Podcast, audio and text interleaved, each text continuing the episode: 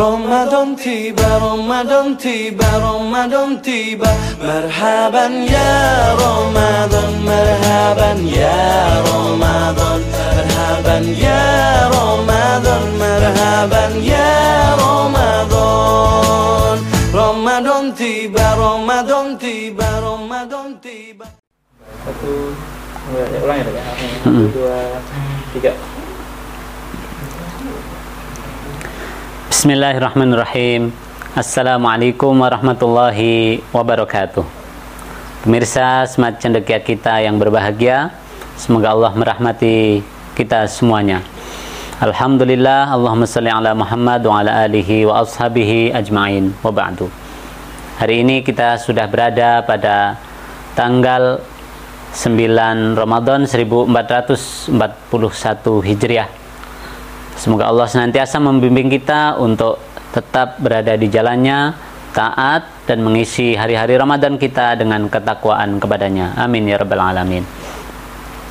Pada kultum menjelang berbuka hari ini, saya akan membawakan tema berbakti kepada kedua orang tua atau salah satunya.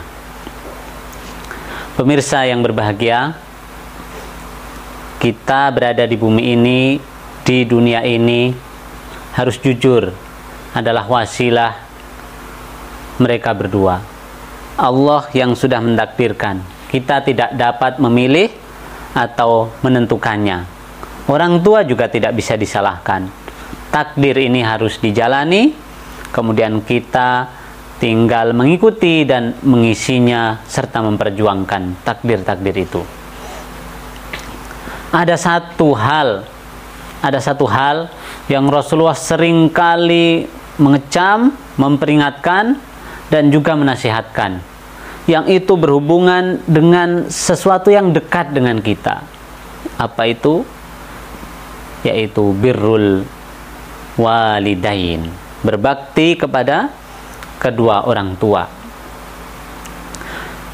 Suatu saat Rasulullah pernah dengan tiba-tiba berkata, di depan para sahabat. Rohima anfun. Rohima anf. Thumma rohima anf. Abu Hurairah meriwayatkan bahwa Rasulullah bersabda rohima anf. Thumma rohima anf. Thumma rohima anf. Yang maknanya celaka, sungguh celaka dan sungguh celaka. Ada yang bertanya dari para sahabat qila Man ya Rasulullah, siapa yang celaka? Siapa yang rohima tadi? Maka Rasulullah sallallahu alaihi wasallam menjawab, Qala Rasulullah sallallahu alaihi wasallam, "Man adraka abawaihi indal kibari ahadahuma au kilaihima falam yadkhulil jannah." Rawahu Muslim. Yang celaka adalah seseorang yang mendapati kedua orang tuanya masih hidup di usia senjanya, di usia senja kedua orang tua mereka, salah satu ataupun keduanya masih hidup dan ia dapati mereka, tetapi ia tidak berhasil masuk surga. Orang itu tidak berhasil masuk surga. Sahabat semat cendekia kita yang dirahmati Allah Ta'ala. Hadis ini pendek, padat, tapi dalam sekali maknanya. Sangat dalam. Bahwa dalam hadis ini kita dituntut ketika masih mendapati, masih mempunyai orang tua, kamu harus wajib, ha harus kamu wajib kamu masuk surga. Maknanya apa? Di depan kita ada ada wasilah yang sangat luas, besar dan tidak jauh. Masuk surgalah dengan wasilah itu, yaitu dengan orang tua. Maknanya kedua orang tua ini harus kita jadikan betul-betul alat mempermudah kita masuk surga. Caranya cuma satu. Dan caranya cuma satu, tidak banyak. Cukup berbakti, birrul walidain. Berbakti kita kepada mereka berdua Lalu apa yang disebut dengan berbakti? Berbakti itu jenisnya banyak dan semuanya mudah kita lakukan. Mari kita hitung satu persatu dan laksanakan. Yang pertama adalah berbakti itu mentaati segala perintahnya. Segala hanya satu yang tidak boleh ditaati ketika kita diminta untuk durhaka kepada Allah. Semuanya taati. Semua yang yang orang tua suruh lakukan. Malam yakun isman selama itu bukan dosa, bukan kemaksiatan. Ya, Orang tua nyuruh kita beli gula, lakukan. Orang tua meminta kita untuk maju, maju. Orang tua menyuruh kita berhenti, berhenti. Selama itu adalah kebaikan. Maksudnya bukan hal-hal yang bisa didiskusikan, ya. Didiskusikan tuh semacam apa? Misalnya kita menginginkan untuk menuntut ilmu, ilmu agama, mau kuliah, tapi orang tua bilangnya kamu mending begini langsung, tidak usah begini begitu. Itu adalah contoh yang bisa didiskusikan, bukan untuk dibantah ya. Didiskusikan mana baiknya, pahamkan. Tetapi prinsip ini yang pertama harus kita lakukan adalah taat semua perintahnya, semua kecuali satu yaitu kedurhakaan. Yang kedua, bentuk dari birrul walidain adalah berakhlak yang baik kepada orang tua, berbicara yang sopan kepada mereka. Ini penting, jangan dianggap sepele. Al-Quran menganggap ini sebagai sesuatu yang perlu dinas, perlu ditulis di sana sampai Al-Quran harus menggunakan bahasa falatakullahuma uf bicara ke orang tua ini tidak boleh macem-macem sembarangan. Ini Quran mengecam.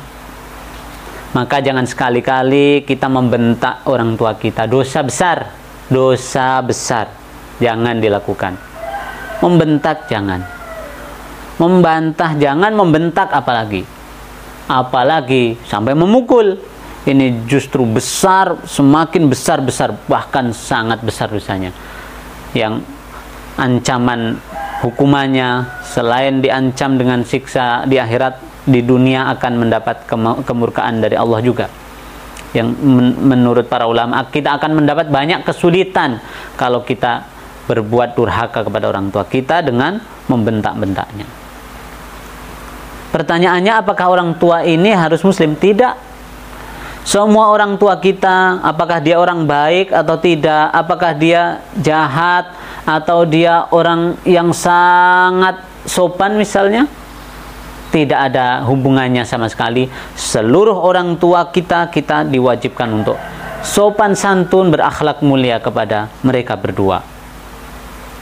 Yang ketiga bentuk dari birrul walidain adalah mendoakan jangan dianggap birrul walidain itu cuma taat-taat saja hubungannya ya tetapi mendoakan kedua orang tua kita ini adalah hal yang mesti dan wajib.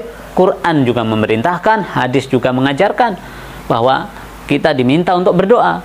Misalnya dengan doa Rabbi firli wali walidayya warhamhuma kama rabbayani saghira. Orang tua ini mesti didoakan. Jika dia masih kafir, doakan semoga mendapat hidayah.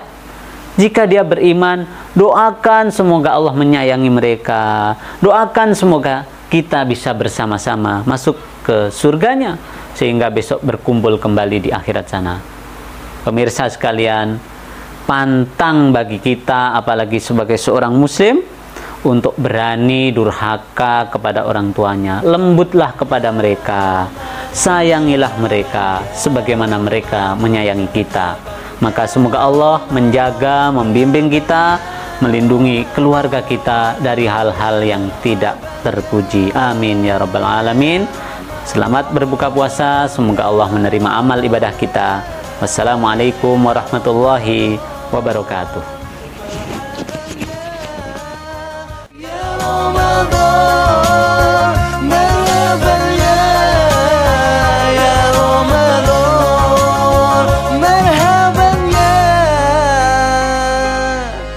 Yeah.